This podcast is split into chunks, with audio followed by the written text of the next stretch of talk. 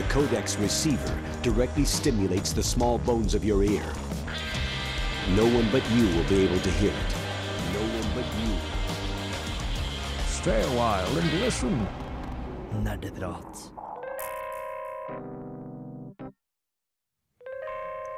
Hei og velkommen til semesterets nest siste episode av Nerdeprat. Eh, vi har tatt oss en pause fra eksamenslesing, eh, prokrastinering, bacheloroppgaver, masteroppgaver, hva vet ikke jeg. Eh, altså, alt mulig rart. Vi er i hvert fall her i studio nå for å gi deg alt du vil vite, alt du trenger å vite om dataspill her på, på Radio Revolt. Mitt navn er Anders. Jeg skal lede dere gjennom hele, hele sendinga i dag. Og jeg har i tillegg med meg mine faste folk, Torben bak eh, teknikkspakene. Hei. Og Steinar, som uh, står rett ved sida av meg og holder meg i handa fortsatt siden sist sending. Hallo. Og i tillegg så har vi med oss uh, to, hele to eksperter på dagens tema. Uh, Benedikt er med, Hei sann. og Martin. Hallo. Uh, det her er en sending jeg gleder meg til kjempelenge, for i dag skal vi snakke om Vårhammer. Ja, sant. Det var ikke helt den responsen jeg hadde forventa meg, men jeg har, Åh, jeg har gått rundt og gleda meg sånn på det her. Og grunnen til det er jo at i utgangspunktet Så i disse dager så skulle Total War Warhammer bli sluppet. Men Men det ble utsatt med en måned, så det kommer ikke før 24. mai. Altså ei hel uke etter nasjonaldagen til oss nå. Så jeg vet ikke hva jeg gleder meg mest til, 17. mai eller 24. mai. Nei, det er 24. mai. Uten. Helt uten tvil. Uansett, eh, bare en sånn eh, kjapp catch-up. Steinar, hva har du gjort siden sist? I form av spill, tenker du på? Ja. I form av spill så har jeg spilt en del Ark. Eh, det vil fortsatt å lage puben min, men nå begynner jeg endelig å bli ferdig. Sa jeg i går, helt til en Bronto kom og ødela hele fuckings puben min. I hvert fall alle tønnene mine. Back to the drawing board. Ja, det var kjipt, syns jeg. Det gikk heldigvis greit. Det tok ikke så lang tid å få alt opp igjen. Um, utenom det så Jeg har spilt uh, Plague Inc. på telefonen min Mm. uh, fortsatt. Jeg prøver fortsatt å få, komme meg forbi den fuckings soppsporen som jeg er på nå. Men hva kaller du Altså, Mange spiller jo Plague Inc. og bare gir dem sånn uh, Altså, Det er kjempeartig å se for eksempel The mankind has been eradicated by Jesus. Har du noen sånne morsomme navn på sykdommene dine? Min er ikke så kreativ, egentlig, men jeg har en soppspore som nå heter Trump. Som jeg fortsatt har kjørt gjennom med siden jeg begynte på soppsporet. Og får det pokker ikke til å ta livet av menneskeheten, dessverre. Jeg håper du ikke, at det ikke går profeti i det spillet ditt. Torben, du, er du busy med skolen, eller har du spilt noe? Jeg er ganske busy med skole og med radiotekniske ting. Ja, stemmer. Driver og bygger på nye podkastløsninger, liksom. Så det blir jo spennende når det kommer opp.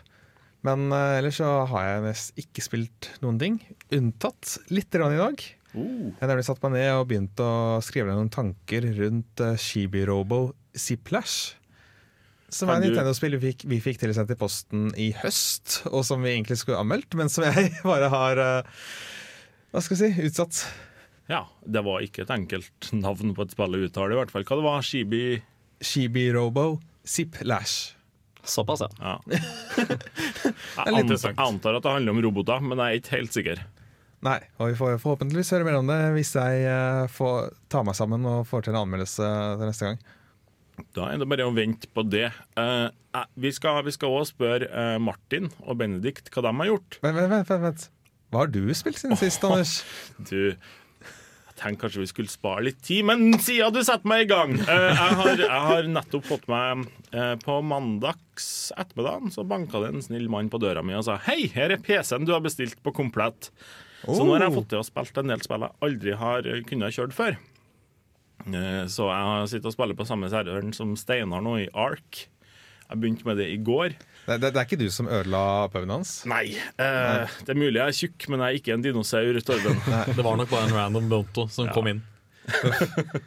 Nei, det har ikke vært jeg, altså, Så langt så har jeg bare styra med å skjønne hva som foregår, overleve å ikke bli spist av mygg. Uh, så, så jeg føler at jeg er ikke på samme nivå som, uh, som Steinar, som driver og erger på seg brontosauruser og sånn. Uh, Så det har jeg gjort. Eh, Jeg gleder meg også til å spille Witcher 3, for det har jeg kjøpt der for lenge siden, men jeg har ikke fått det kjørt ennå. Så jeg har ikke vunnet og spilt all verden ennå, men neste uke Neste uke, Da Neste skal jeg snakke en time om hva jeg har spilt siden sist. Nei da. Uh, men vi skal, vi skal i hvert fall komme til uh, 45 minutter. Vi kan møtes på halvveien der sånn. Vi skal i hvert fall høre hva, hva Benedikt og Martin har spilt, men først så skal vi høre Death by Unga Bunga med låta 'Strangers From The Sky'. Du fikk Death by Unga Bunga med 'Strangers From The Sky' her på Nerdeprat på Radio Revolt. Eh, vi sitter og snakker om hva, hva vi har spilt siden sist, eh, og vi kan jo hoppe til første gjest, eh, Benedikt. Hva har du spilt siden, ikke siden sist du var med i Nerdeprat, men de siste par ukene? Ja, Det begynner jo å bli noen måneder siden jeg var her sist, men uh, i de siste, den siste tida har jeg spilt en del uh, Rainbow Six uh, Siege. Mm. Det er veldig, veldig gøy. Jeg er vanligvis ikke en person som kommer veldig inn i hva skal man si, sånn competitive first person shooter-type ting, fordi jeg ikke er spesielt god på dem. Uh, men det er liksom, jeg liker veldig godt den Det er liksom veldig sånn du har ett lag som angriper, ett lag som forsvarer, og så har du masse forskjellige folk som alle har en sånn special ability som er stort sett baserer seg på å enten sprenge noe eller å liksom forsvare etter det. Ja. Ting som gir mening. Ja, ja, ja. Så jeg har hørt at det er ganske sånn tak taktisk eh, lagt opp. At det er ikke sånn skyt på hva som beveger seg, men eh, litt mer sånn lagarbeid, samarbeid, eller er det ja det er ganske, ganske sånn taktisk. Det er jo sånn hvis, uh, sånn hvis du dør i en runde, så er du ut for resten av den runden. Uh, så det, det er liksom ikke sånn standard Det er ikke sånn Call of Duty, da. Det er litt mer, uh, litt mer sånn Hvis, hvis, hvis jeg ikke hadde visst bedre noe om Benedikt, så ville jeg trodd at du satt og beskrev uh, Counter-Strike. Det er litt som Counter-Strike, altså. Det er det. Du har uh, litt sånn counter og uh, terroristaktig greie. Ja. Til gjengjeld har du vel en del kule ting som å kunne rappellere ned fra tak og slå deg Ja, inn gjennom vinduer og, og. Absolutt. Det er ganske tilfredsstillende å liksom sprenge gjennom et vindu og så hoppe inn og så skyte liksom tre folk i hodet. Det, Får du lyst til å si 'America, fuck yeah'? det, er- det, du får litt lyst til å si det, altså. Mm. Eh, men så skyter du gisselet med uhell, og så sier du 'America, fuck no'. Ja, Det høres veldig ut som når jeg spiller FPS-er, at det går til helvete sjøl om du mener godt. i Ja, utgangspunktet. Ja. Og jeg mener generelt ikke godt når jeg spiller FPS, men det har jeg snakket om før. Martin, hva har du spilt? Eh, Når var du sist med på, på Nerdeprat? Det er nå en stund siden jeg sist var med. Det var, eh, da het programmet fremdeles Kontroll Alt Elite, Ja. eh, så er vel nærmere halvannet år siden. Ja, Da var jeg for å snakke om Wow. spilløkonomi, riktignok. Men Ja, det, det tror jeg faktisk jeg husker at jeg hørte på. Det var Ja. før jeg ble med, men uh, da hørte jeg på nærprat. Eller kontroll til, alt litt. ja, nei, det, det var artig, det. Så det er deilig å være tilbake. Velkommen tilbake. Jo, takk. Um, nei, siden sist det blir kanskje litt lenge siden, men uh, siste par ukene så har jeg vært uh, litt rundt i spillsamlinga mi og sett på gamle ting. Jeg fant ut um, Telltale Games The Wolf Among Us. Mm. Har jeg, kjøpte jeg en pakke for en stund siden og fikk egentlig aldri kommet skikkelig inn i. Jeg tror jeg spilte halvannen time før jeg stakk ut, og så glemte jeg helt at jeg hadde det. Så da har jeg fått, uh, fått inn et par timer. Um, ellers så gravde jeg fram uh, The Lord of the Rings, the, the Battle for Middle Earth, The Rise of the Witch King, som visstnok er spiller med verdens lengste spilletid. Men, altså, det, det kommer jo, uh, det kom jo flere av dere Lord of the Rings. Det er et strategispill, er? Stemmer. Og det er ganske mange. Det kom en for hver film, eller noe sånt. Så Nei, nei, det er ikke de spillene. Det, det kom to Battle for Middle Earth-spill, eneren og Mhm. toeren, også med en utvidelsespakke.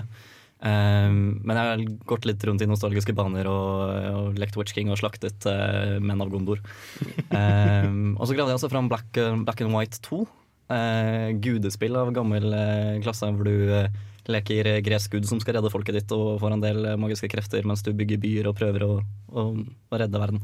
Men du har det magiske dyret i Black and White 2 òg. Stemmer. Du har et creature som du løper rundt med. Hvilket dyr har du? Nei, jeg løper jo rundt med en vennlig sinna ku, da. Ja. Eh, for det, du har den onde delen av det, hvor du løper rundt og leker krig. Så blir byene så mørke og stygge og askeflekker overalt. Jeg, jeg syns ikke det ser noe pent ut. Mm. Så jeg tenker at det å ha en, en hyggelig ku og så bygge byene mine så flotte og fantastiske at folk kommer til meg i stedet, det, det var å foretrekke. Så du, så du har en sånn litt sånn pragmatisk tilnærming til om du skal være snill eller ikke. Det er bare sånn Ja, det ser finere ut. Ja, rett og slett.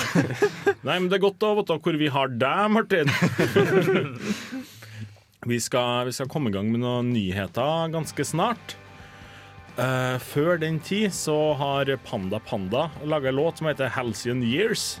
Den er utrolig vanskelig å vite hvordan man skal uttale navnet på den tittelen, sånn, for du tror bestandig at det står 'Halicon Years' eller eh, Ja, samme det. Vi, skal komme til nyhetene.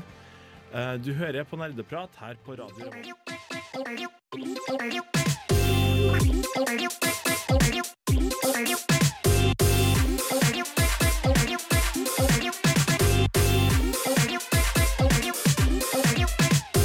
Nerdenytt. Ja, du fikk eh, Panda Panda med Halcyon Years, og nå hopper vi rett på nyhetene her. Jeg har fått Steinar til å finne tak i det heiteste, mest interessante og juicy nyhetene som finnes i hele spillbransjen. Steinar, hva har du til oss? I dag skal jeg snakke litt om Funcom, eh, som nå lanserer The Park til konsoll. Jeg skal snakke litt om Blizzard og den nyeste utvidelsen til, til World of Warcraft. Jeg skal snakke om ny verdensrekord i Super Mario Bros. Ja. Jeg skal snakke om Star Citizen, og jeg skal snakke om norske PlayStation-brukere sin musikksmak. Oi, oi, oi. Hvor vil du starte hen, Steinar? Jeg tenker vi begynner med Funcom. Uh, Funcom har nå De skal nå lansere The, Park, som er et sånt skrekkspill, eh, til konsoll. Det kom ut i fjor til eh, PC. Og nå kommer det da 3. mai til konsoll. PlayStation 4, nei 5, 4, blæ. Hva. Ikke PlayStation 5, håper jeg. Nei, jeg er som er stressa siden det er første gang jeg har nyheter. PlayStation Neo. Ja, det går greit. uh, og Xbox. Um, Xbox One eller Xbox 1 eller Nei. Oh, ikke, få gi meg panikk nå, vær så snill. Unnskyld meg, jeg stressa nok som det er. Uh, Skrekkspillet eh, tar sted i en fornøyelsespark der du spiller en mor som leter etter barnet sitt. Spillet tar ca. 90 minutter med gameplay og har en veldig ubehagelig tematikk. Det er ikke et spill jeg hadde spilt. Er det noen her som har spilt det? Jeg har spilt det. Park? Var Ja, det The? Park, ja. Ja, Uh, jeg er jo ikke en person som er veldig glad i skrekkfilmer eller skrekkspill, med mindre det er noen andre i rommet som uh, skriker lysere enn meg. Uh, da kan det kanskje gå, bare fordi jeg kan le av dem. Eh, men jeg, jeg tvang meg gjennom det bare fordi jeg er en fan av Funcom. Har spilt eh, mange Funcom-spill gjennom årene, og spilte meg annet gjennom The Secret World, hvor den parken er et, et av stedene du dukker opp. da. Eh, så det var litt det å kjenne seg igjen i lokasjonen og settingen og, og oppleve det fra et annet sted. Men jeg har jo òg spilt uh, The Park, men jeg har ikke vært borti The Secret World. Eh, altså, i, i, I The Park så utforsker vi jo den parken og finner ut en del eh, merkelige ting som foregår der. Er det det samme i The Secret World, eller er det bare det at parken ser likeens ut, men det er annen law rundt det? da?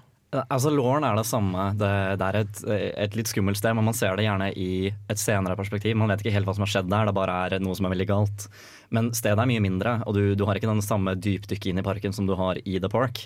Det er bare heller enn et sted i altså, verden som du besøker. Jeg fikk tidvis litt sånn mitt, Nå har ikke jeg spilt The Parken selv, men det er litt inntrykk av at å ja, vi har en del assets fra The Secret World. Hvordan kan vi bruke det her til å lage noe nytt uten å egentlig lage noe helt nytt? Så det er jo det er en interessant måte å gjøre det på, men det virker jo kanskje litt lat. Jeg, vet ikke, Personlig er jeg veldig glad i det, den Funcom-lawen som baserer seg på at vi har en, en alternativ verden. Det er, som, det er vår verden, men det er mye som skjer bak scenene som vi ikke helt har helt innsikt i.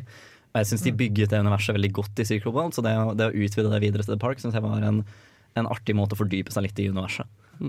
Ja, det kommer i hvert fall eh, hvis du ikke har prøvd det før. Det, kom jo, det var vel akkurat rundt halloween-tider det kom ut på PC. Ja, hvis du ikke har en PC, men en PlayStation 45 eller en uh, Ja da, ja da, ja da. ja, Da kan du kjøpe det snart. Så har vi en nyhet fra Blizzard, eh, som har kommet med lanseringsdato for neste World of Warcraft-utvidelsen. Det blir den sjette utvidelsen i World of Warcraft-serien. Eh, Legion heter det, og vil bli sluppet 30. august. I Legion skal, spille, eh, skal spillerne forenes og kjempe mot The Burning Legion, som nå har kommet tilbake etter å ha vært hovedfienden i første utvidelsen av World of Warcraft. Eh, hva syns vi om at det kommer rett etter semesterstart? Det er vel eh, taktisk gjort, da. Det, Ja. Jeg syns de fleste enten kommer enten i eksamensperioden eller rett etter at semesteret begynner. Men eh, sånn får det nå være.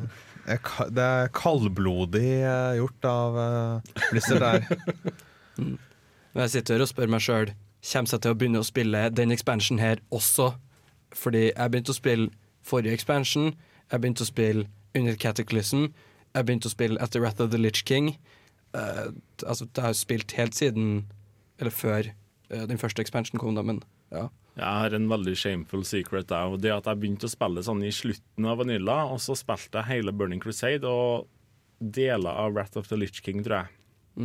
Eh, Men så slutta jeg, og så har jeg på en måte hatt en sånn Kommet tilbake, spilt gjennom siste expansion en måneds tid, og så bare Ja. lagt det fra meg, sånn at den karakteren jeg har spilt helt siden jeg var 16 år, da sikkert, eh, fortsatt, eh, fortsatt eh, er maks level hele tida. Det høres så fryktelig kjent ut. Det er den der resurgence-greia med ja, Gidder jeg egentlig ny expansion? Ja, men det er ny expansion, da. Vi tar en titt.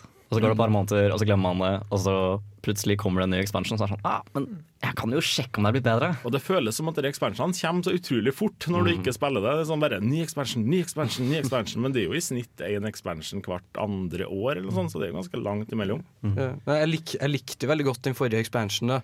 Jeg syns den adda veldig mye kult med at du hadde på en måte borger og strongholds, eh, der er borgene som kunne oppgradere og alt mulig sånn. Og så tenkte jeg oh, her er endelig expansion hvor jeg kanskje fortsetter å spille en stund. Og så gikk jeg lei. Ja, sant. Men nå skal man jo få vinger og kunne hoppe rundt og fly rundt og ting. Det må jo være artig. Ja. Men er det verdt å, å vende tilbake for det? Ja. Jeg tror, altså, Det er vel sikkert en beta som foregår, så det dukker vel opp litt mer nyheter om det etter hvert, tenker jeg. Men jeg bare lurer, Ser det fortsatt uh, Ser WoW fortsatt veldig gammelt ut?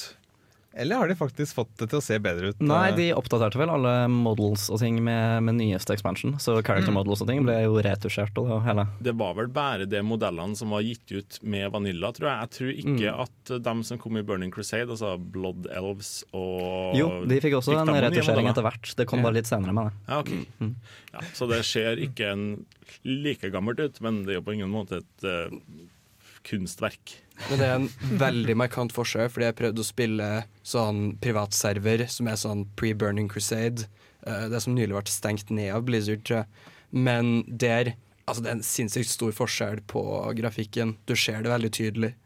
Mm. Det er vel noe med det at når det kommer trinnvis eh, over årene, så merker man ikke alle de små forskjellene. Hvis man sammenligner første utgaven og siste utgaven, så ser man plutselig hvor mye mer som er kommet. Det er litt som å, litt som å se seg sjøl i speilet hver dag, og så, se på Jeg ser det som 14-åring. Ja, sant.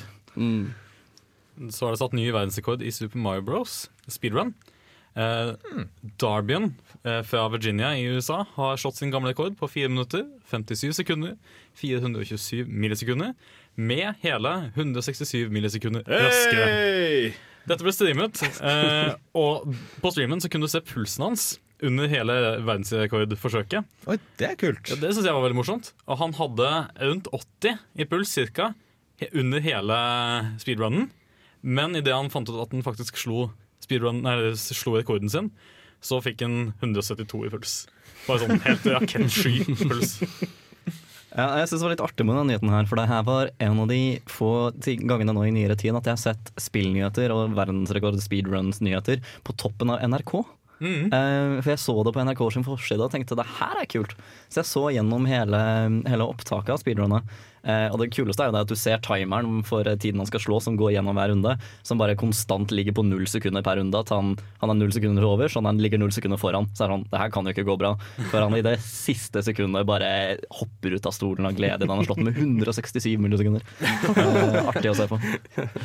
Det må jo på et eller annet tidspunkt nå eh, den grensa der det ikke er fysisk mulig å gjøre det kjappere. Ja, han, han uttalte vel selv at han mente at det ikke var mulig å gjøre det raskere enn enn det han nå har gjort. da. Ja, Han skrev det i uh, videodeskripsjonen, holdt jeg på å si. At han, dette var nok siste forsøket han prøvde på å slå sin egen rekord. Jeg synes også det er artig noen som stilte spørsmål med Hva gjør du nå? Nei, nå er livet mitt komplett. Da var han ferdig. Ah, Nei, men det er sikkert, sikkert godt å ha oppnådd det. Han var ikke så gammel heller, var han det? Han så ut som han var et par og tjue, kanskje. Jeg vet ikke hvor gammel han er, jeg så ganske ung ut. i hvert fall. Ja. Nei, men da har han i hvert fall 50 år framom seg. å gjøre 50 år med ingenting. Ingenting. Ingenting om nå. pensjonerer han seg. Jeg sier som jeg sa når jeg så den videoen, er det mulig? Her på Radio Revolt så får du Is It Possible av Frankie Cosmos. Ja, er det mulig, sa, sa de i forrige låt, og det spørsmålet har jeg fortsatt til deg, Steinar. Er det mulig at vi har flere nyheter nå? Ja, vi har faktisk to til. Eh, Det har lenge blitt spekulert hvordan spillet Star Citizen vil se ut. Og Star Citizen er nå bekreftet at det kommer ut ufullstendig. Dette er et crowdfunda prosjekt som satsa som et mål med 65 millioner dollar, og har nå 112 millioner. Eh, Men de klarer ikke å nå målet sitt eh, med et ferdig produkt og holde sine løfter til de som har støttet prosjektet. Det er daglig leder som har kommet ut med denne informasjonen i et intervju. Ja, så har jeg gitt, eh, jeg har jo gitt Star Citizen mye pass hele, hele veien, av at jeg syns at de har at de godt kunne ha planlagt ting litt bedre, da. Eh, jeg vet ikke, jeg, Benedikt og Martin, har dere noe erfaring med Star Citizen? Um, jeg tror sånn som du sier det nå, så høres det litt verre ut enn det egentlig er. da uh, Det det er snakk om, er at det er noen ting som kommer til å komme senere enn andre ting. Og det har man til en viss grad forventa allerede, tror jeg i hvert fall. Men hvis man ser på hvordan det har gått med prosjektet så langt, eh, tror du på det de sier? Jeg tror fortsatt Altså, jeg tror på det, ja. Altså, jeg synes de har generelt en veldig god oppfølging. De har generelt vært ærlige eh, om det som foregår, da. De, de putter jo ut sånn developer diaries hele tida, så du har en ganske gjennomsiktig prosess. Men, men eh, nå må du rette meg hvis jeg tar feil her, Martin. Men i økonomi så bruker man et ord som heter sunken cost fallacy. Det? Eh, kan det være det eh, Benedikt plages med akkurat nå? Hva, hva, hva er sunken cost fallacy? Sunken cost fallacy går vel på det at når du først eh, legger penger inn i noe, så anser du pengene som tapt. Du får ikke gjort noe mer med de pengene her, så du kan like greit Altså, du begynner på et nytt ståsted, så å si.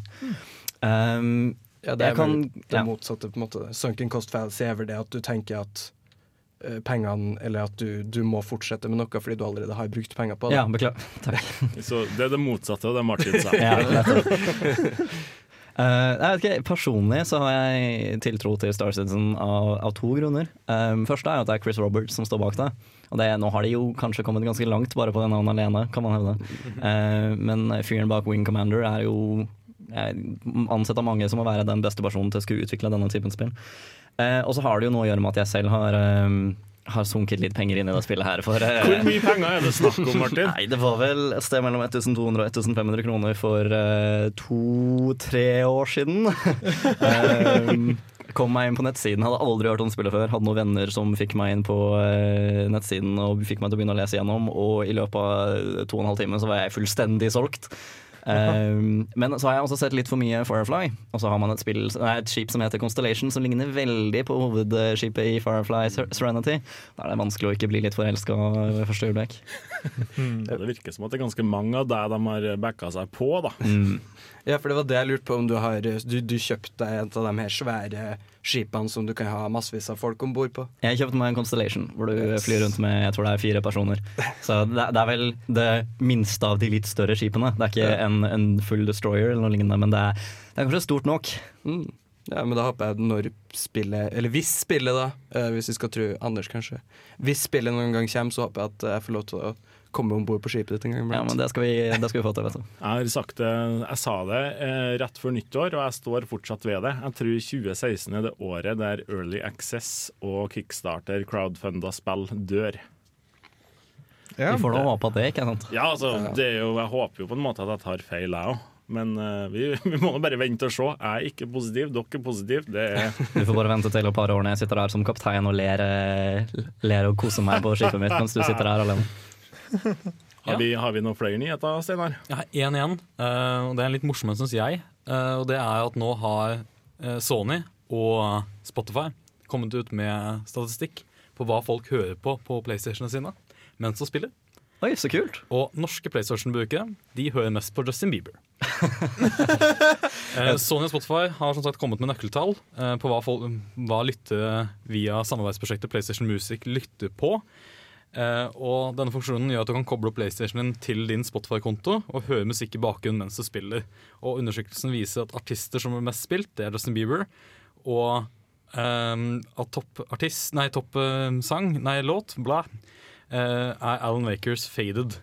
Så den mest spilte låta. Så det høres ut som Playstation-bruket har veldig mainstream musikksmak. da Jeg vet ikke om man kan si at det her er representativt for uh, spillergruppen som velger PlayStation. Nå er jeg uh, PC Master Race selv, så jeg er kanskje litt eh, Er det, er det her en sånn hashtag 'ikke alle PlayStation-spillere'?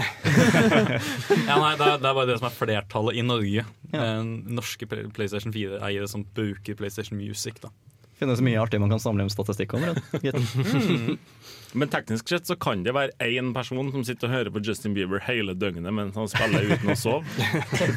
Det kan godt hende. Ja, man må være kritisk til statistikken, da. Ja, det finnes mye gøy statistikk eh, der ute. For så har du Pornhub, som eh, har en sånn statistikk på hvilke, hvilke konsollbrukere som bruker mest. Og Nintendo eh, DS og 3DS er representert i statistikken. Ja, um, samme, samme med øhm, Cupid, OK Cupid er det vel som har en egen blogg, blogg hvor eh, matematikerne som har utviklet algoritmene, kommer med statistikk rundt siden og eh, fører datatrender fra siden. Det er mye kult du kan lese ut av det. Altså. OK Cupid er jo den datingsida, den amerikanske datingsida. Stemmer. Så der, ja, da har de jo tilgang til alt av sikkert direktemeldinger folk har sendt seg imellom. Og, Alt folk svarer på av hemmelige spørsmål om eh, ville du noensinne datet en, en mørkhudet mann osv. ja. Eh, mye kult. Så kleint. Det, men det, altså det, hvis jeg går et, et skritt tilbake til det med at DS-en er ganske godt representert, Det vil jeg jo tro er fordi 1% kanskje, men Å ja. Å ja. Den er ikke representert, altså. Men- Jo, jo, men det er på statistikken, liksom. Å ja, sånn ja. Okay. Nintendo Wii også er vel der. Jeg synes det var, finnes mennesker som bruker DS-en sin, liksom. jeg synes det var interessant at PSP var vel også, eh, også representert på den statistikken. Så det er noen få brukere her som fremdeles løper rundt med PSP og bruker det til å se porno. altså. Det er vel eh, godt at de får brukt den til noe. jo. Oh, burn! Hva er det du har i lomma di? Er det en PSP, eller er du bare glad for å se meg? Ja, nei, Vi gjør som vi alltid gjør på Nerdeprat. Vi går rett fra Justin Bieber over på porno. Det er, noe det er sånn hele tida. Det er en naturlig assosiasjon der, da. Ja, og vi skal videre til eh, naturlig eh, selection. Natural selection, faktisk. Det er Maja Vik som har spilt den låta. Spilt inn den låta. Etter det så har jeg et spørsmål til alle dere som er i studio her. Så det er bare å begynne å glede seg. Du hører på Nerdeprat på Radio Revolt. Når innså du at du var en gamer? Dersom du kunne spilt kun et spill i et år, Hva er det eldste spillet i backloggen din? og du var på en øde øye i helvete mens du var 11 år gammel, Hva har du lært fra spill som du har fått nyte av i hverdagen? Er det et spill som har hjulpet deg gjennom en tung periode av ditt liv? Hva er ukas utfordring?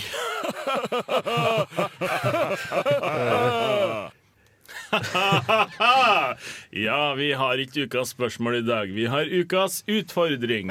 Hvordan kunne du?! No! Hvis, uh, I forrige sending, når Steinar var programleder, da handla det om voice acting. Eh, og så begynte vi å snakke litt om det hadde vært morsomt om vi kunne utfordra hverandre til å kjøre litt sånn voice acting. Å, Gud. Welcome to hell. Hvorfor så jeg frivillig på å være med på det her? Og så satt jeg og prata litt med en, eh, en bekjent av meg eh, som bor i London. Eh, og så sa jeg til henne liksom, Du er jo ganske god på voice acting. Kan ikke du bare gi meg et eksempel jeg kan vise til de andre i studio? Eh, hvis du bare spiller av det eksempelet jeg ba ham om å, om å spille inn først, Torben. I am evil! Stop laughing! Dere da, eh, dere da spill, altså dere er et klipp eh, fra League of Legends, så det er ikke han, det der. Ok, ja, det, jeg begynte å lure. Men så sa jeg, så sa jeg Sam, kan ikke du altså, spille inn et klipp til meg? Nå kan dere høre på det. Hi, my buddy Anders. Here we go, my Viger. Know that if the tables were turned, I would show you no mercy. I am evil! Stop laughing! Ja, det er altså ikke, ikke like bra, men Det er ganske dugelig, da. Ganske dugelig. Ja. Så jeg har lyst til å utfordre dere eh, til å gjøre ca. det samme. Eh, jeg tenker jeg har gjort klart eh, fire, fire klipp her fra forskjellige spill. Eh, vi kan spille av én lyd, og så kan vi starte med Torben, som skal ta den. Å nei. Jo, jo. Nei, nei, nei, han nekter å spille av eh. Jeg liker at alle bare Men eh, vi, vi, kan, vi kan ta lydklipp nummer én nå, og så kan du ta det etterpå, Torben. Ok. I surrender! Here, take me! I don't care! Skal jeg prøve på den? Mm. I surrender. Take me. I don't care. Ja.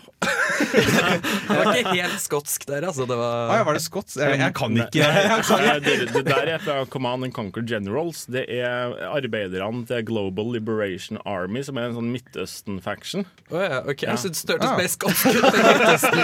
Jeg skulle til å spørre om alle, alle var fra League of Legends, men eh, Nei da, vi har tatt litt fra forskjellige ting. Vi kan, eh, Martin, siden du stikker fram hodet og stiller sånne dumme spørsmål, så kan, du ta, så kan du få utfordring nummer to.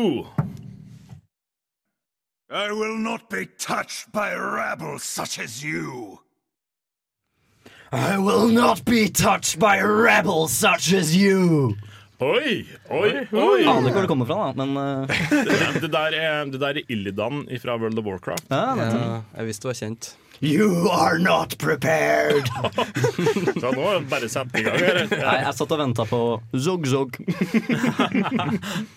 Ja, mulig det kommer. Nei da, det gjør ikke det. Eh, Du kan ta nummer eh, tre, Bendikt. Yes. I used to be an adventurer like you. Then I took an arrow in the knee. Tror jeg vet hvor det er fra. OK. Um, I used to be an adventurer like you. Then I took an arrow to the knee. Det var ganske nærme. Oi.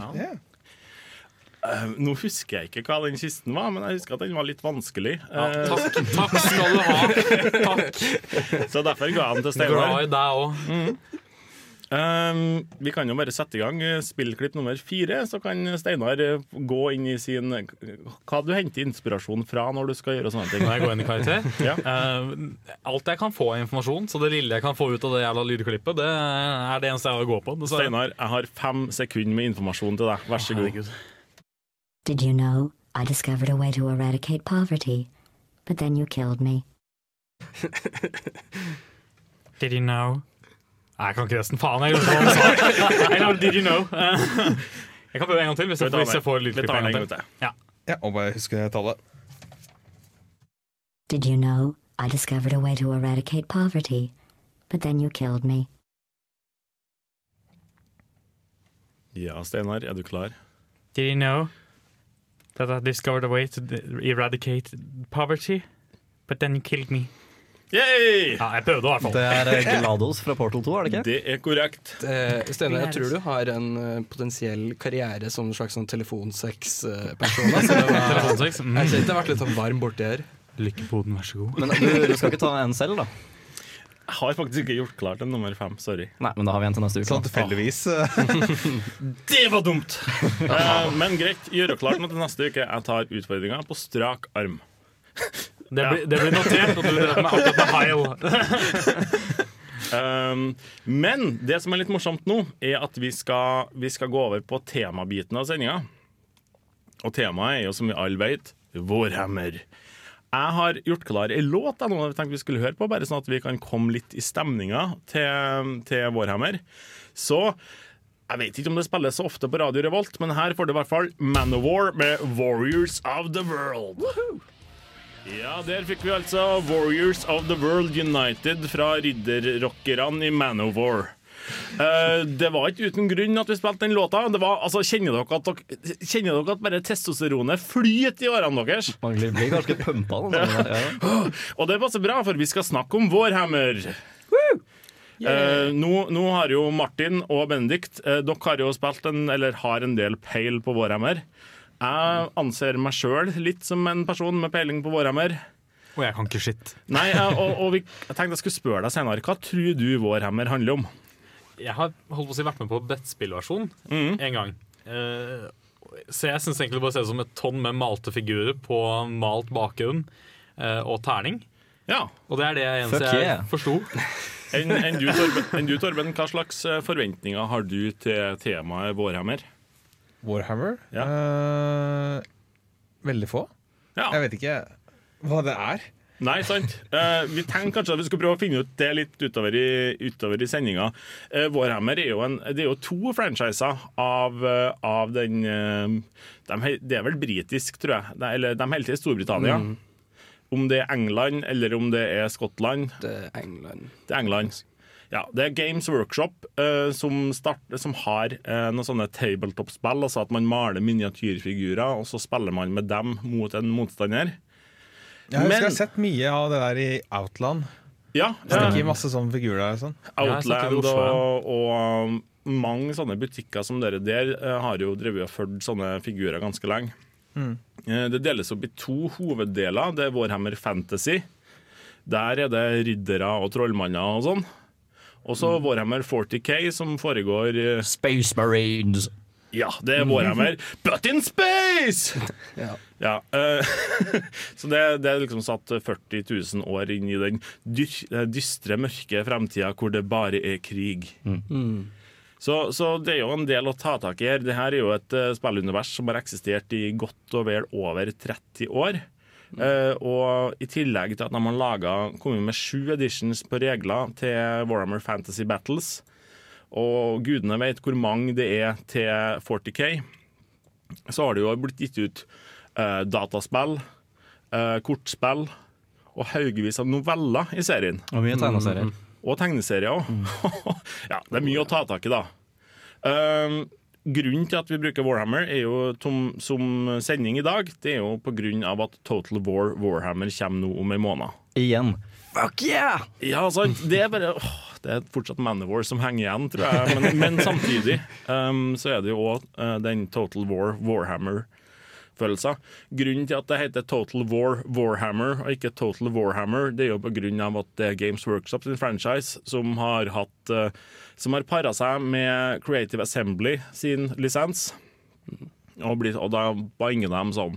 Da sto det sikkert haugevis av advokater i dress og sa nei, vi kan ikke bare ha med orka, det må stå Total War framom. Total War Janhammer. Klinger kanskje ikke like godt. Nei, sant. Men jeg kommer i hvert fall til å kalle det Total Warhammer når den tid kommer. Uh, Benedikt, du Yes. har en del peiling på Total War-universet, fantasy. Ja. Uh, Kan ja. du bare gi oss en litt sånn kjapp innføring i hva det er å Total? War-universet, altså Warhammer-universet Warhammer, Dette kommer til å bli Warhammer forvirrende. Warhammer Fantasy Battles-universet. Ja, men du, har jo, du studerer jo òg historie, så du har en del peiling på Total War-universet. Som, eh, som, som, fram, som fram til nå historie. Eh, Yes. Eller som folk som spiller dataspill, kaller historiefaget Total War-historie. Men du, skjønte spørsmålet mitt, håper jeg? Ja. Eh, OK, så Warhammer Fantasy Battles. Um, ikke til å forvirres med Warhammer 40K. Uh, det er faktisk ikke samme univers, uh, motsetning til hva noen tror. Så eh, poenget her er basically Du har um, et menneskelig imperium eh, som er på en måte hovedfokuset, som minner veldig mye om eh, det tysk-romerske riket fra den ekte historien som på en måte var i Tyskland på middelalderen, hvor det er massevis av sånne småstater som utgjør en storstat som er ledet av på en måte en keiser. da. Carl Franz. Carl Franz. Mm, det var eh, innovativt. så. Ja, ja.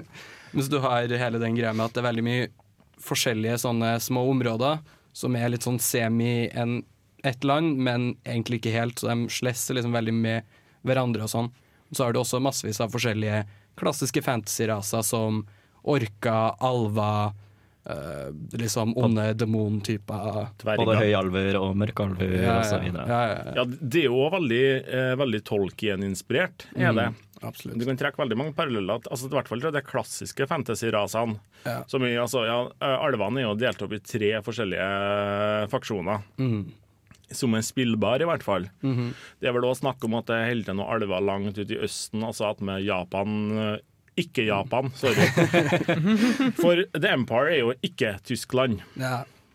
Eh, og, og det virker som at alle de forskjellige faksjonene er basert på et eller annet eh, fra jorda og jordas historie.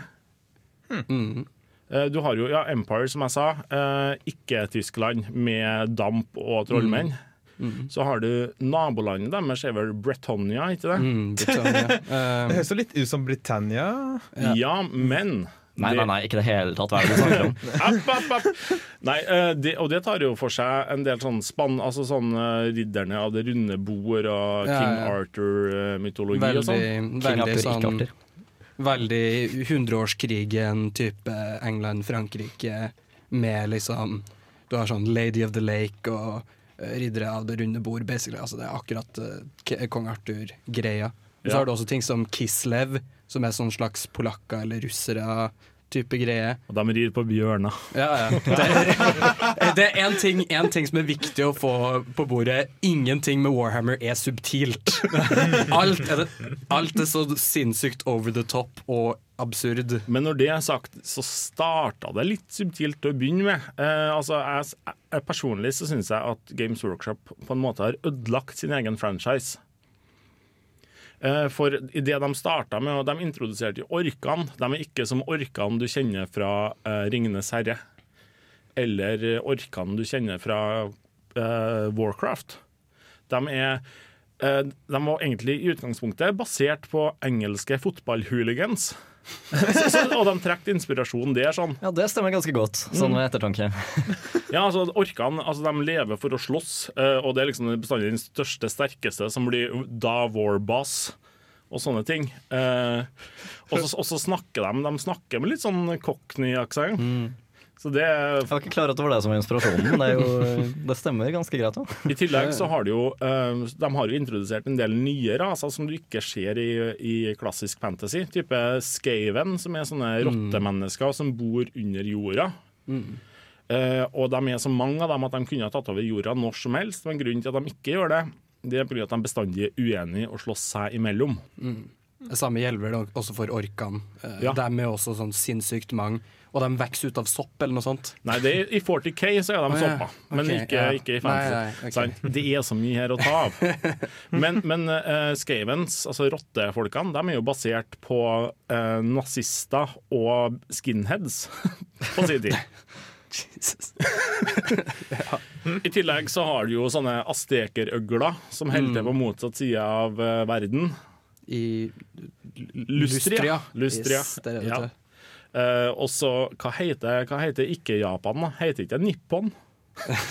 Det kan godt hende. Det, det. Det er det japanske navnet på Japan. ja, men sant, du har jo liksom, de har henta sånne halvveisnavn hele tida. Mm. Altså, barbarene i nord de holder til i en plass som heter Norska. Så det er utrolig mye å ta av her. Eh, Norska, altså hø, Svensk for norsk? Nei. Ja, sant. Oh, jeg vet ikke hvor vi skal starte. Han, jeg. De, Eh, de seiler også rundt i ganske vikingaktige skip og lignende, så det er mye ja, fine inspirasjoner. De, de ser ut som at de er henta altså, I hvert fall disse plastfigurene, når du kjøpte en sånn eh, kaos her. eh, De ser ut som de er henta rett ut fra HBO-serien Vikings, alle Mm. sammen. Og alle all i hele verden har jo selvsagt sixpack og kjempestore muskler. Akkurat som i studentmediene.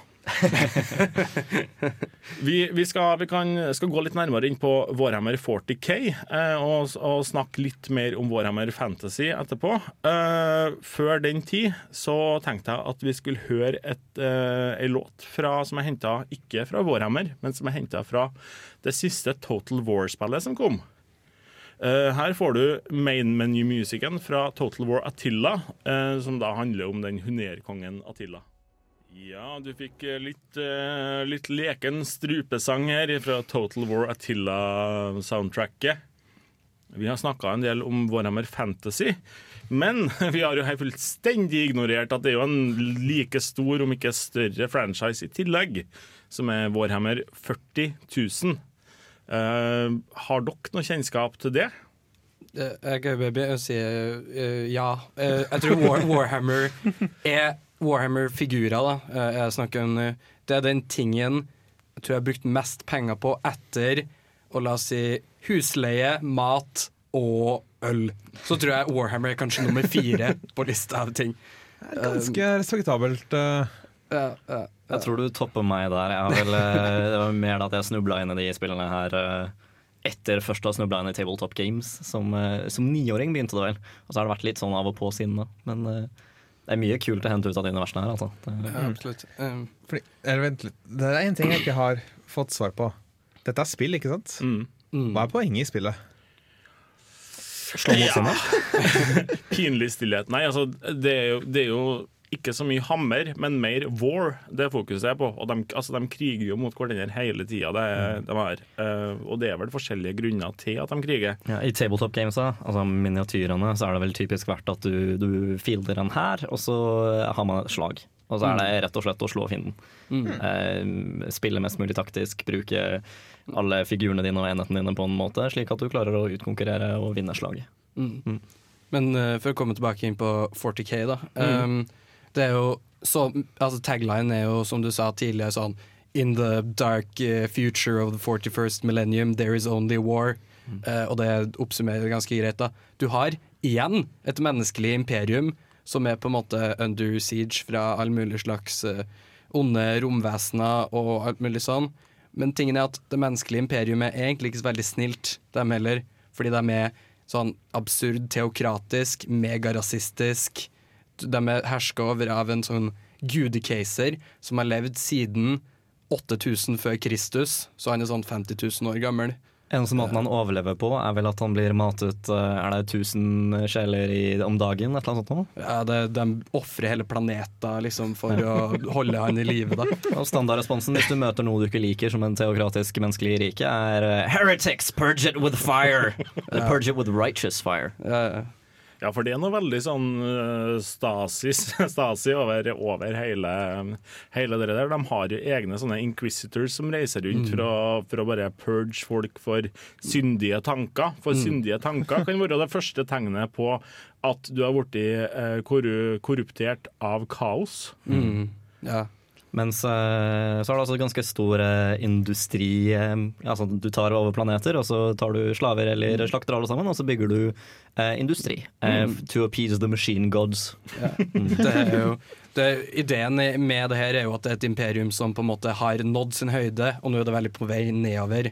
Så det, det, det er liksom det er liksom, Tenk det romerske imperiet, da. Liksom, ikke sant? Du har en veldig sakte nedover, nedovergående kurve hvor eh, de på en måte driver og mister planeter hele tida, men de har så mange millioner planeter å ta av at det går fint. Tenk det romerske riket med, med romskip og laserrifler, så er du nærme. Og med liksom katolske kirker på steroider som eh, driver og eh, hater alle.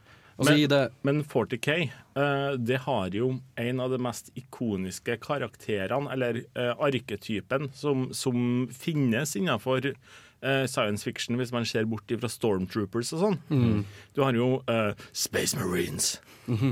Jeg, jeg, jeg, synes, jeg klarer jo ikke å um, skille på en Space Marine i Starcraft og i uh, Warhammer lenger, etter hvert.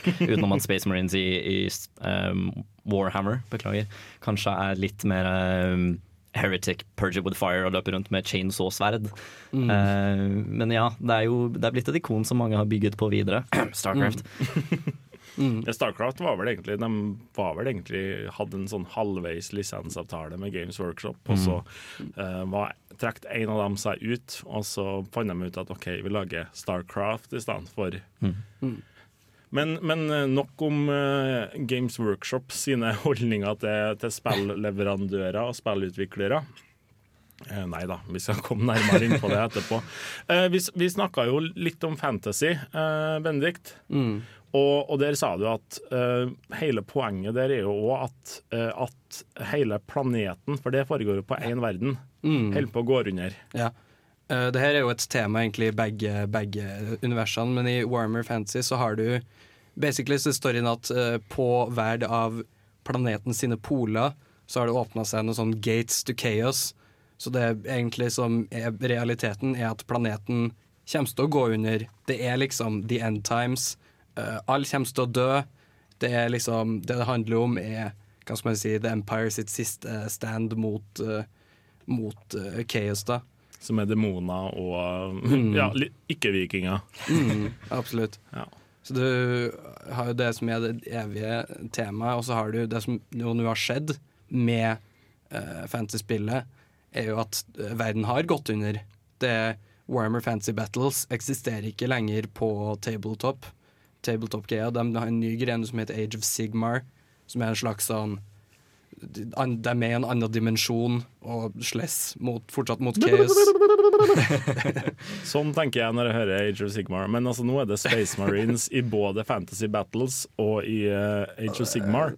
Nei, Kind of det som ja, er greia. bare at de heter Sigmarines eller et eller annet. Wow. Nei, det heter ikke det. da. Nei, men kall det det. Eh, ja, eh, men, men det er jo laga en del, i hvert fall nå, eh, når Endtimes har gått gjennom hos Games Workshop, så virker det som at de har blitt mer slepphendt med, eh, med copyrighten eh, til eh, Warhammer Fantasy Battles. De har jo hele veien hatt en ganske god suksess med en del Warhammer 40 000-spill. Men de har, borti, de har begynt å gitt ut den eh, fantasy-lisensen til mange flere eh, spillutviklere nå i det bare de siste par årene. Sikkert som et sånt eh, subtilt frampeik til at de kommer til å krasje hele greia med Endtimes. Vi skal høre ei låt her som er henta fra et uh, Warhammer 40 000-spill. Det er fra spillet Space Marines. Ja, her får du Chris Velasco og Sasha Dikisian med Titus Team.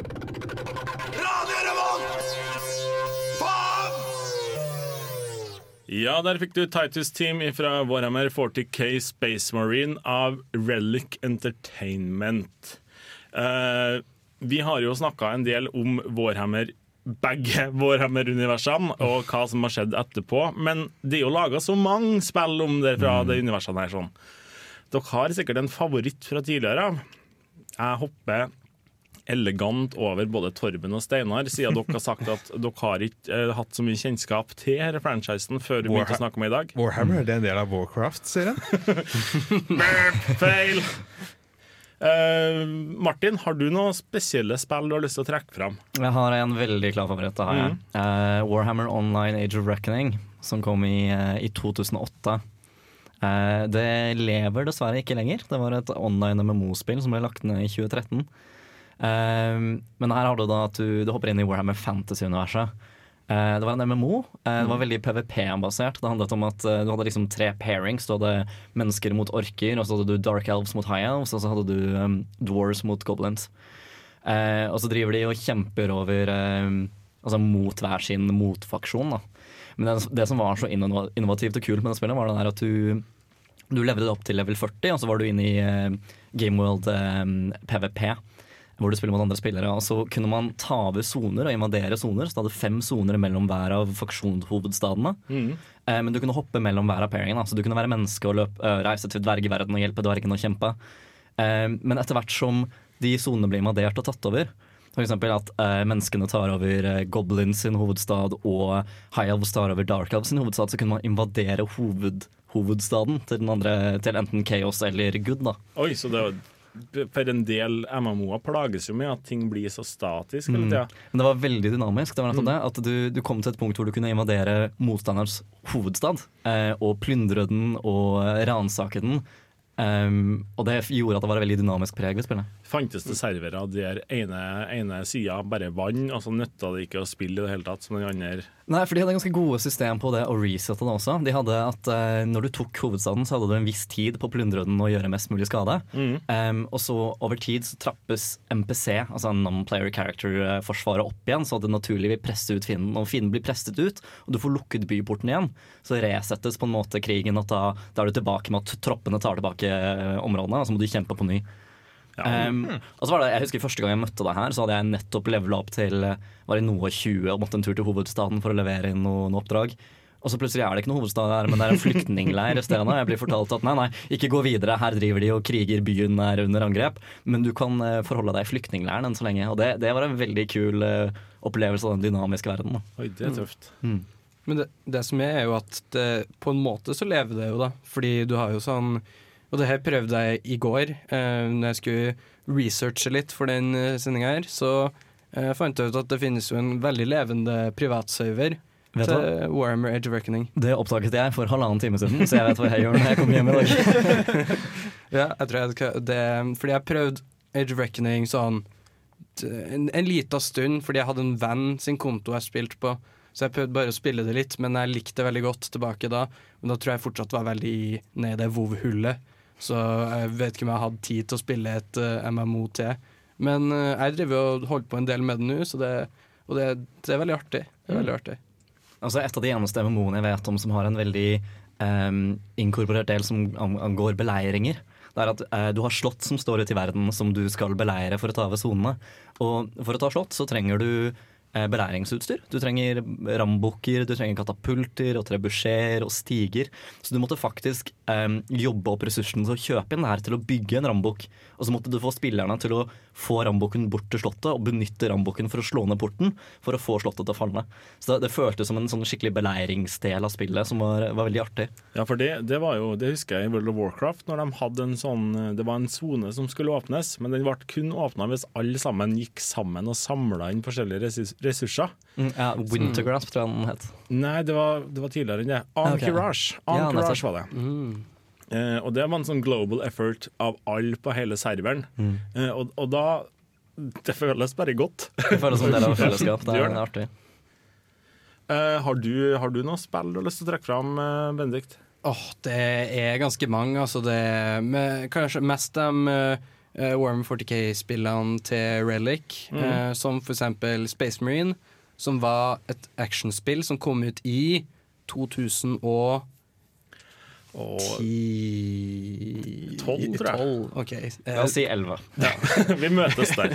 ja, men eh, det, det kom ut til egentlig generelt litt sånn blanda kritikker. Uh, sånn Ja, det hadde på en måte en multiplay som funka litt sånn ikke så veldig godt, og, storyen var ikke så sykt lang. Men det var veldig artig, og det fikk deg virkelig til å føle som en Space Marine.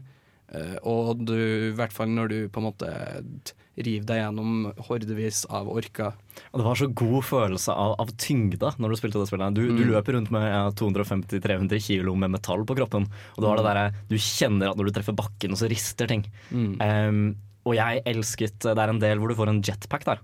Men du går rundt og liksom, du venter på å få den jetpacken. De holder den fra deg, de dingler den foran nesa di så lenge, men du får ikke tak i den. Og så får du endelig tak i den, og den følelsen av å lande opp på horder med orker og bare altså, slenge deg ned i bakken, alt faller, og du river løs med sverdet. Det er en god følelse. Og i tillegg så, så er det spillet altså det gir deg en sånn uh, Space Marines er jo, det er jo elite, eliten av elitesoldater. De Mm. er så gode. Eh, så etter hvert som du slår orker Én En ork trenger du bare slå et par ganger før den dør. Og du får opparbeida sånne komboer som gjør at du bare kan Altså du bare hyler, og, sånn, og så springer du inn i en stor haug med orker og driter i at de skjøt på deg. Du bare hogger hodet av fem stykker samtidig. I det spillet her er du jo til og med en ultramarine, mener jeg, så du er vel eh, superelitesoldaten av superelitesoldater. Mm. Så det er ingenting som står uh, foran deg. Eh, en ting jeg bare har lyst til å legge til som egentlig ikke er veldig relatert til, men som er en av de kuleste tingene med Warmer 40K, synes jeg, Mm. er orkene. For det finnes også orker i Warmer 40K in space. Og dem er sopp. De er sopp. Uh, de kaltes originalt Space Orcs, men så ble det bytta til bare orcs. Og måten de fungerer, måten de har teknologi og klarer å reise rundt i verden på, det er de har sinnssyke psychic powers. Sånn, de kan gjøre hva som helst med tankene sine, og jo flere de blir, eh, jo mer kraft har de. Men de vet ikke om det sjøl. Så alt, alt de gjør, fungerer gjennom ren tilfeldighet. Så det er sånn ja, uh, mal en bil rød, og den går fortere, fordi red ones go faster. Og, og uh, orange is explodier. Uh, så alle missilene deres og sånn er oransje. eh, og de klarer å liksom Teknologien deres funker ikke for noen andre. Man får jo nesten bare takke seg selv for at de ikke er klar over det. Det, Ja, det hadde jo det- ikke hatt noen det er sjanse. det som er Og det er vel også sånn at når orkene, Jo sterkere orkene blir, jo større blir de fysisk. Mm. Mm. det, eh, jeg, mener at i en av Warhammer 40, eh, 40 000-bøkene så går det rykter om en ork på størrelse med en planet som Berit uh, Han har gått opp med folk å slåss med. Det, det er liksom klassisk 40K, da. Mm. det er alltid like stort som en planet. Det er så utrolig uh, 40K, det der. Eh, vi, skal, vi skal se litt mer Nå har vi snakka en del om forskjellige spill eh, som er utvikla eh, med Warhammer i baktankene. Altså Warhammer-lisensierte spill. Men det er jo ganske mange eh, folk som, som har savna en sånn Total War Warhammer-spill, og har drevet og modda forskjellige, forskjellige spill som har vært åpna for å bli modda. Da, til å lagt inn haugevis av orker og alt som gjør Warhammer fint og vakkert og forferdelig eh, vanedannende. Så nå skal vi høre eh, The Odyssey av Audiomaskin, som er fra traileren til Total War Warhammer. Og etter det så skal vi snakke om Warhammer-mods til eksisterende spill. Til bardaga! Ja! Ra ra radida! Ja! Vil til bardaga! Nerdeprat på Radio Revolt! Ja! Ja, Warhammer-mods, folkens. Eh, sist jeg sjekka, eh, så fantes det mods til Crusader Kings 2. Eh, til gamle Total War-spill har de laga eh, Warhammer-mods til. Eh, Mountain Blade. Har dere, vet dere noe flere? Mm, off the top of my head. Jeg vet det er noen som har vet Man har modda inn en del sånn Warhammer-elementer i Skyrim og sånn. Sånn Ja. at du har masse forskjellige Sånn hvis du vil ha armor og weapons og raser og Så sånn. tror jeg òg det var noen som la inn ekstra ting i, i Starcraft, på sånn custom maps og sånne ting. At du finner egne, egne Warhammer custom maps til Starcraft eh, 1 og 2. Jeg ser for meg å ri rundt i Skyrim med en uh, ultramarine armor på. Jeg synes er synd på den stakkars hesten. Altså, du kan være Thomas-toget i Skyrim, Ja, så selvfølgelig kan du være en Ultramarine. Sant det. Nei, har, du, har dere prøvd noen av moddene? Eh, ja, jeg skulle si det var også til um, eh, Half-Life Half 2 så hadde du et, en Warhammer 40K-mod hvor du sprang rundt som sånn Ultramarines og slåss mot uh, Tyrannids, som er sånn basically alien fra aliens i ja, bare millioner av dem. Og jeg har, jeg har modda inn i, den, i, i Alfa 12 av Rimworld, så kan du laste ned Space Marine-våpen og utstyre folkene dine med. Så de har power hammers og bolt guns og sånne ting. Nice. Nei, jeg, jeg, tilbake til spørsmålet ditt. Jeg har jo spilt uh, litt Mountain Blade gjennom uh, tiden. Og lasta Mm. ned en, eh, en uh, 40K-mod til Nei, Fantasy, beklager. Fantasy-mod til um, eh, Mountain Blade. Mm. Eh, mest fordi du løper rundt med repeater crossbow eh, som en dark elf og står oppe på åsen og bare skyter ned mengder.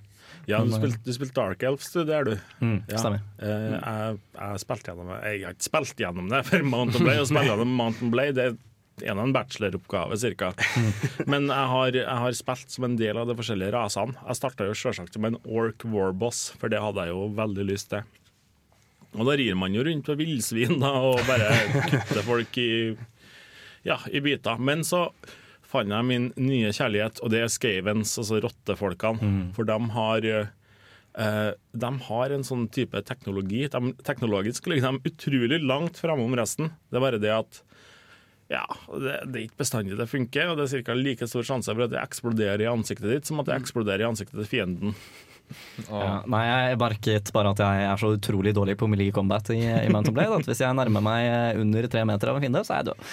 Så da var det buer som var greia. Og så fikk jeg tak i en repeater crossbow. Um, så da er det sånn ca. 29 skudd mot fienden, og så er det et siste skudd i hodet til sidemannen min, og så plukker jeg opp pillen hans, og så fortsetter det. Men det funket fint, det. Ja, det, jeg lurte på egentlig eh, Hvis du spilte Skaven der, har du tilgang på en rattling gun? Fordi det er jo faktisk en ting i, som Skaven har. Selvfølgelig har du tilgang på rattling guns.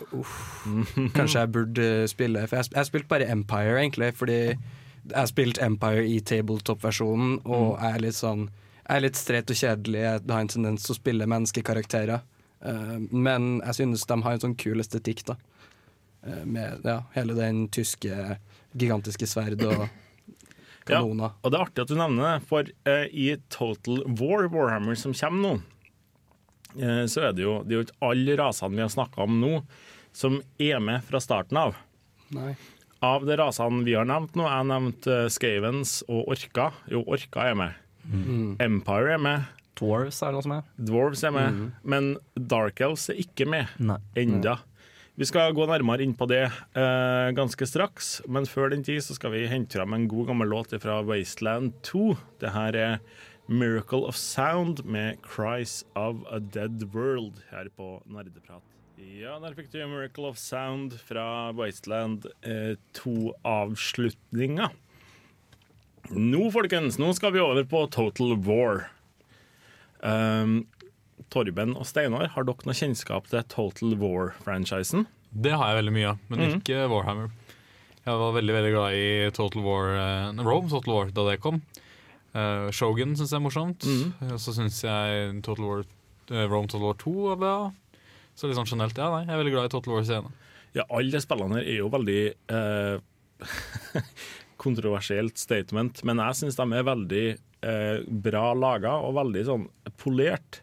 Mm. Når det er sagt, så uh, Rome 2-lanseringa er jo det verste jeg har vært med på i hele mitt liv. Mm. Nei, ikke det, da. Jeg kjøpte det litt etterpå. Men altså, de drev jo og at de, altså de satt der da til eh, Creative Assembly. Jeg er sikker på at de satt der og svetta og jobba overtid i månedsvis i strekk bare for at det var så mange ting som ikke fungerte som det skulle. Det var nok ikke den ryddigste lanseringa jeg har sett. Det var det ikke. Nei, det var en diplomatisk måte å si det på. Nei, jeg kjøpte ikke ved lansering, jeg kjøpte det etterpå. Så jeg Ja, sant. Problemet, så da, da, har du, da har du flaks. Og nå, i dag, så er jo Total War 2 et eh, Nei, Total War eh, Rome, Total War Total War kolon Rome 2. Et veldig Ja. bra spill. Ja. Mm. Det var et punkt hvor de reverserte dem der. Hvor det var, gikk fra å være Rome Total War til Total War Rome. Det er skikkelig irriterende. Ja, jeg sier bare Rome Total War 2, jeg, selv om det kanskje er feil. I do not care. Total Rome. Så likte jeg veldig godt Empire. Det er kanskje det jeg har spilt mest nå i det siste. Mm. Faktisk. Men jeg får det ikke helt til. Det plager meg. Derfor Empire det er det Total War-spillet der du he, kan reise rundt hele verden, og det er på 1700-tallet? ja? 1700-tallet, ja. Riktig. Mm, ja, for de har jo tatt for seg haugevis av forskjellige tidsærer. Men det her er den første gangen at Total War-franchisen går over til et fiksjonelt univers. Eh, og det, det gjør jo Det åpner jo for veldig mange nye ting. Eh, før så har de jo hatt, de har hatt kavaleri, de har hatt eh, altså siege weapons, type katapulter og sånne eh, siege towers og sånne ting. Eh, og haugevis av forskjellige typer infanteri med ja, sverd og spyd og ja, bier var det vel noen som hadde en gang i en Total War Rome 2 expansion, tror jeg. Nei, det var en Det var noen bier, ja. Det var en katapult som skjøt bier. Det nytt, det har jeg ikke hørt om heller. Sant? Så, så det Interesting. I, I tillegg til... er en feberdrøm du har hatt, eller noe sånt. Nei. Nei. Jeg tror det er noe med andre, andre expansion til Rome 2. Altså en av de små faction-DLC-ene. OK, det kan godt hende. De hadde noe mindre packs der, så det kan stemme. Ja, Mm. eh, men, men det er så mye rart der. Men, men nå har de jo i tillegg til infanteri, kavaleri og siege weapons, så har de jo introduserer de jo wizards. Og i tillegg så kommer det flying units og sånn. Flying units. Det blir en, nytt, en ny ting å tenke på. Altså, jeg kommer ikke til å gjøre noe annet enn å fly rundt på Griffin Squads og eh, kose meg der. Og, og i tillegg så er det sånn at agentene som du Altså du kan ha forskjellige sånn prester og diplomater og sånn Mm. gående rundt. I Total War så Nei, i Warhammer, beklager. Så er jo ikke diplomater så veldig bruker, Du bruker ikke dem til så mye. Så i stedet så kan du få sånn enkeltagenter som kan bli med og, og Mm. slåss um, sammen med hæren din. Og det er første gangen det er gjort. Mm. Litt mer sånn helte, heltepreg, nesten. Ja, du får en sånn hero units, nærmest. Ja. Ja, Det ble veldig sånn som de funker i, tradisjonelt i uh, spillet også, hvor Mm. du har sånne spesialkarakterer som du fester til regimentene dine. Det uh, bringer meg litt tilbake til um, Du nevnte tidligere spill. Dawn of War 2 er jo Mm. veldig sånn heltepreg, syns jeg. Der har du vel at du løper rundt med maks fire units, en helt og tre squadrons eller noe sånt. Um, litt sånn nesten uh, Warcraft-følelse med at du løper rundt med helteunits. unit sånn. Mm. Jeg savnet jo alltid da jeg spilte Dawn of War 2 det å kunne ha en, en skikkelig hær. eh, Og faktisk kunne ha noen legioner med folk som løp bak helten min. Så det er første gang at du får noe tilsvarende. Yeah. Mm. Du, ja. Det første Dawn of War gjorde jo det, men kanskje ikke hadde det samme helteaspektet. Mm. Mm. Ja. Uh, men det er jo uh, sagt at det kommer ut alle rasene, det er vel en 15 raser eller noe sånt, som har regelbøker for eh, 7th edition. eh, Warhammer Fantasy Battles. Uh, uh, altså Creative Assembly har sagt at OK, i løpet av alle spillene i Warhammer Total War-greia vi slipper nå, så kommer det rasene her til å bli inkludert litt etter hvert. Noen kommer som DLC-er, noen kommer med eh, altså ved Total War Warhammer 2 eller 3, eller hva de har planlagt i framtida. Men alle rasene skal inn, i hvert fall. Eh, så det er jo litt begrensa hva vi har å leke oss med nå når spillet blir sluppet. Eh, vi kan jo bare ta en kjapp gjennomgang av det, for du har Empire, som du har spilt på tabletop. Mm. Benedikt. Mm. Det Empire, det er det vi snakka om tidligere. er Veldig tyske tysk-romerske riketypene. Så har vi Vampire Counts, som basically er De er også egentlig en, på, på noen måte en del av The Empire offisielt sett, men de er liksom vampyrer, da. Uh, og de har masse sånn zombier. Og, Derav navnet Vampire ja, Ja, ja, ja. Eh, Men eh, så har du jo også Du har um, The Greenskins, som egentlig er samlebegrepet da, på orcs og goblins. Og de bitte små goblinene som heter snotlings. Ja, Snotlings også. Ja. De, de, de kommer i all størrelse av de her eh, Eh, og så har du jo til slutt Chaos, som er the big bad. um, som er liksom dem som kommer til å ødelegge verden. Jeg trodde, jeg trodde det var en rase du overså. Du glemte stålfaste dverger. Ja, dverger. Du ja. over... Overså dvergene. Ja. Eh, Men, men de har jo veldig forskjellig tematikk. Det her herrene Empire er jo en veldig sånn uh, vanlig total war her, vil jeg si. At den er veldig godt balansert mellom uh, kavaleri, infanteri, eh, artilleri osv. osv. Altså, Samme hva du har lyst til å spille, om du har lyst til å spille en veldig sånn artilleristerk her, så kan du spille Empire. Mm. Hvis du har lyst til å spille bare infanterister, så kan du gjøre det med Empire, det òg. Men, Mm. men de er jo vanlige mennesker med spyd og skjold. Det er jo ikke akkurat De er ikke laga av eh, Ja, Bortsett fra dem som er sånn magikere og sånn, da. Det, Ja. Du har jo plenty av dem òg. Men, men det virker på meg som at de andre rasene eh, At de har litt mer begrensa spillestiler. Litt mer spesialiserte, kanskje. Mm. Mm. Du har jo for eksempel eh, Vampire Counts. Det er jo kun melee hele veien. Pluss at de bare har eh, haugevis av skjelett som de tar opp av bakken. Eh, Kaos er vel òg veldig Mili-tungt. Kaos har litt mer magigreier igjen nå. Mm. Det må sies. Ja, men de har liksom svære typer i skikkelig tunge rustninger. De er liksom, som er nesten som Space Marines. på De har måte, jo eh, ikke-vikinger. Mm. Ja, er ikke, men, men ikke-vikingene, altså de store, mandige folkene med mer muskler enn jeg har tenner i munnen. Ja, det, det har for så vidt jeg sjøl òg, men, men, Jeg vet ikke- hvordan man kvantifiserer de tingene. nei, sant. Men, men altså, dem er det dårligste troppene til kaos. Mm. eh, Eh, Dvergene er jo, de er jo ikke veldig kjappe, men de er veldig Altså, de, de virker som at de er mye mer defensive enn Jeg er også veldig fan av dvergene, bare fordi de har den todelte greia. De har, du har- du har Slayers, som er Mm. sånne som har berserkers, som løper rundt med økser og ja, hakker av deg akilles til noen. Um, så har du uh, Runic Priest, som løper rundt med sitt. Eh, men jeg er jo veldig, veldig fan og svak for den eh, dwarven engineering-delen. Mm. De som løper rundt med store, store kanoner og eh, den pakka der. og, og de har flammekastere. Ja ja. Ah, ja. Purge it with fire. Mm. Hoppa vi over den her igjen? Jo, Orka, ja. Orka Ja. de er jo kjent for å være veldig mange. Wow. Og så har de, de er jo ikke Ja, det er en sånn Kan du ta den en gang til? En, en orke her eh, kalles jo vanligvis for en wah, bare fordi kampropet til orkene, eller til greenskins, er wah. Så ja, så det er imponerende at vi har kommet så langt i sendingen uten at den ståa ennå, men jeg får prøve å ta det igjen.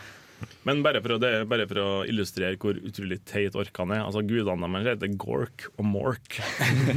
For det er så enkelt å uttale. Er det, er det teit, eller er det pragmatisk? Ja. Det skal, bare for å skyte inn det, det finnes også enda et uh, Warhammer-spill som heter Gorka Morka. Som er Sant. Uh, vi, skal, vi skal se litt videre på hvem det er som har uh, Hvordan herrer har lyst til å spille. Uh, men vi skal få en remix av en Megamann-låt her nå, helt eh, nesten avslutningsvis på Radio Revolt. Du hører på Nerdeprat på Radio Revolt. Hei, våkn opp, da! Nerdeprat.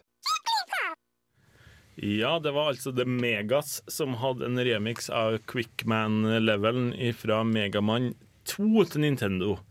Uh, Torben og Steinar, vi har snakka mye om Warhammer, og dere har mest uh, hørt på.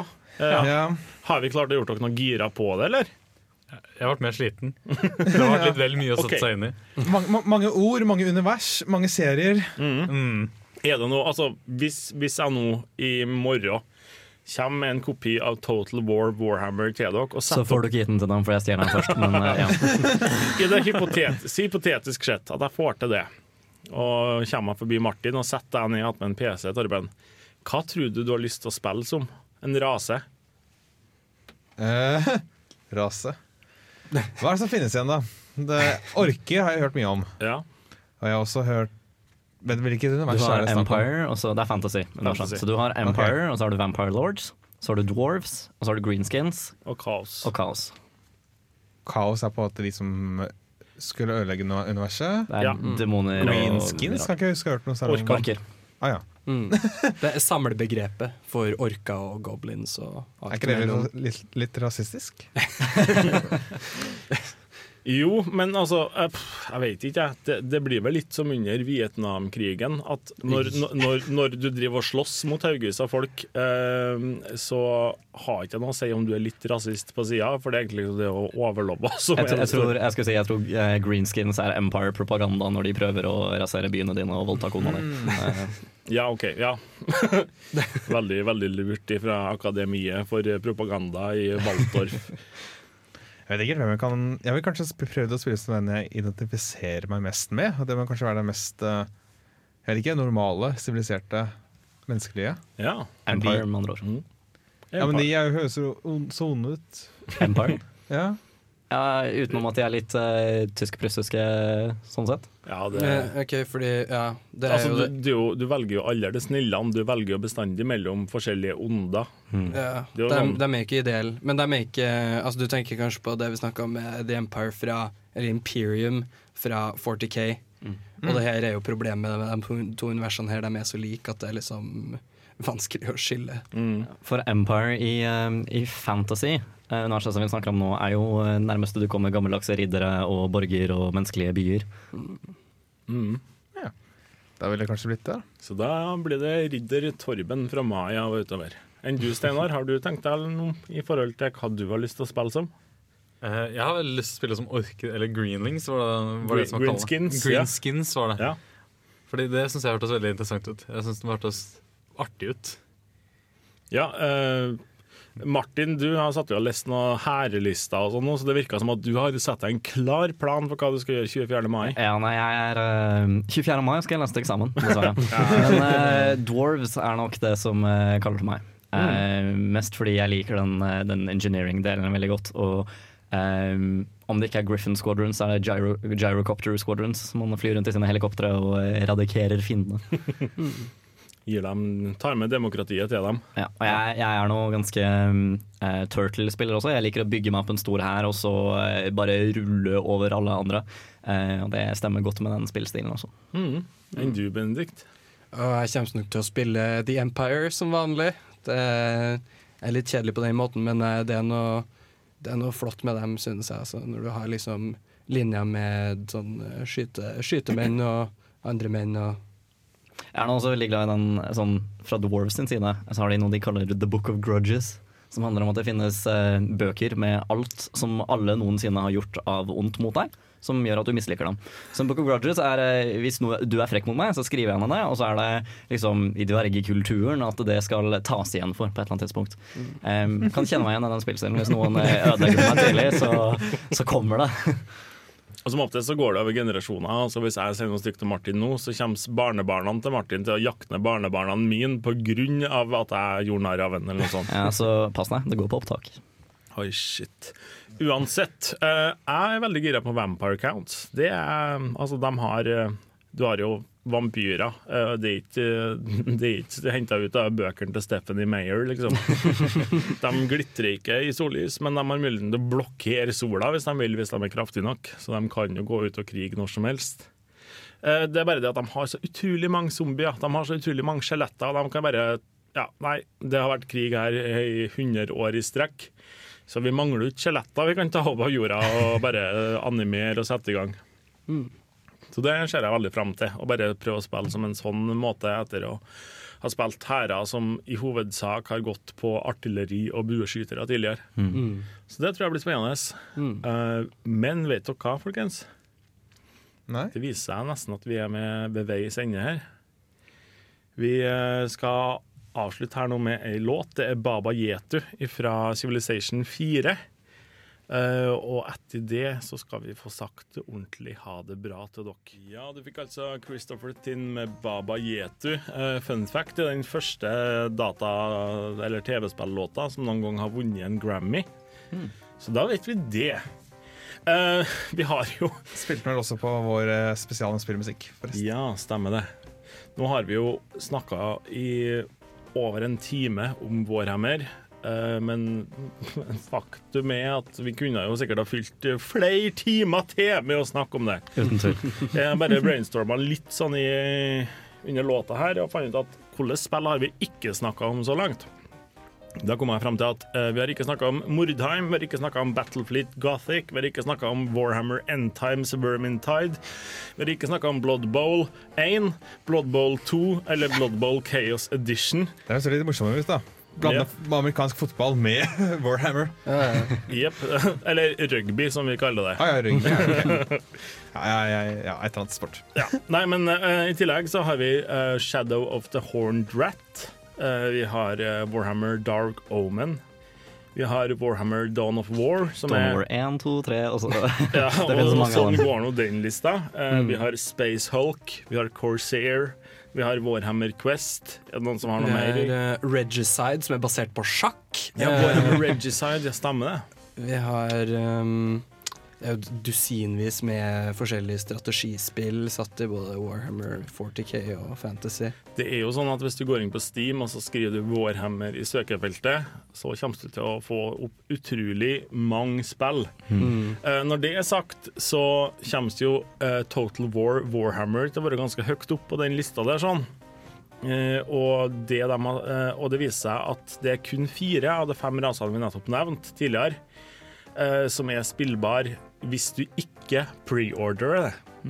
For hvis du preorderer det, så får du med kaos i tillegg. Day one DLC, som man kaller det. Ja, og det, man kan jo si litt av hvert om den praksisen der, sånn. Mm. Men jeg er så gira at jeg bare Jeg bryr meg ikke om det. Så hvis, hvis du kjenner deg igjen i det, hvis du allerede liker Warhammer, eller at du kanskje ble litt mer gira på Warhammer nå i løpet av denne sendinga, så anbefaler jeg å kjøpe med den. I tillegg så er det vel snakk om at det kommer enda en delelse ganske fort etterpå, som er Bretonia, som er en sånn Ja, det var den eh, kong Arthur, eh, Mm. Mm. Kong Arthur hadde er nesten rundebord. Nesten. Men, eh, og vi har heller ikke snakka om hvorfor hammeren er så viktig i Warhammer. det, altså, det er så mye vi kunne ha snakka om, så, så vi kan sikkert sette av en dag og lage en 24-timers uh, Warhammer-sending en gang. Ja, det syns jeg vi burde gjøre. Nei, ikke arrester meg på det. Jeg vet ikke om jeg Men uh, så det er hvert fall Jeg skriver det her ned i en liten bok. Nå har du lovet meg noe som ikke The Book of Grudges. vi, vi har vært eh, nerdeprat sammen med Benedikt og Martin. Takk for at vi kom inn nå. Jo, Ja, eh, takk for takk. at dere ville komme og være litt, eh, litt eksperter på temaet. Eh, hvis, du, eh, hvis du hører på oss for første gang nå, så søk opp Nerdeprat på Facebook. Der legger vi ut veldig mye. Eh, der legger vi ut alt, faktisk. Hvis du, har, eh, hvis du liker det du hører på, eh, legg igjen en kommentar eller anmeldelse på iTunes. Og nå gjenstår det vel egentlig bare å si ha det bra, og takk for at du hører på. Så snakkes vi i siste se- sending det her semesteret neste onsdag. Ha det bra. Ha det. Ha det.